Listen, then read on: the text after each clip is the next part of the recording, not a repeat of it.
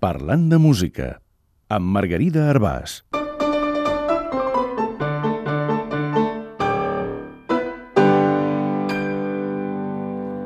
El bordó i els borinots. Bordó és una paraula amb moltes excepcions. És un bastó de pelegrí i un vers medieval, un error tipogràfic i una motllura en un moble. Però avui ens interessa un altre tipus de bordó. En música, bordó té uns quants significats, tots relacionats amb la gravetat.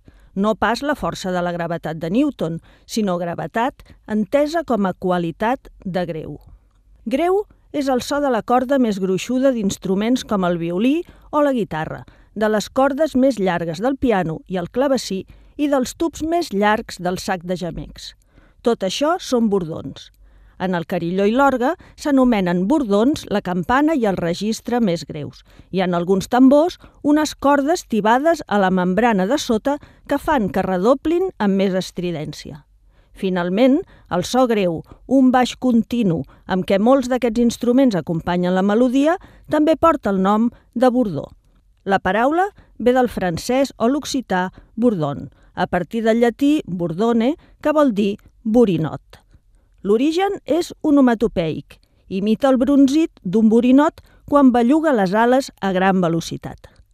Per cert, que els borinots són insectes del gènere bombus, i aquesta paraula, com bombo o bombiró, que és el nom valencià del borinot, també és onomatopeica.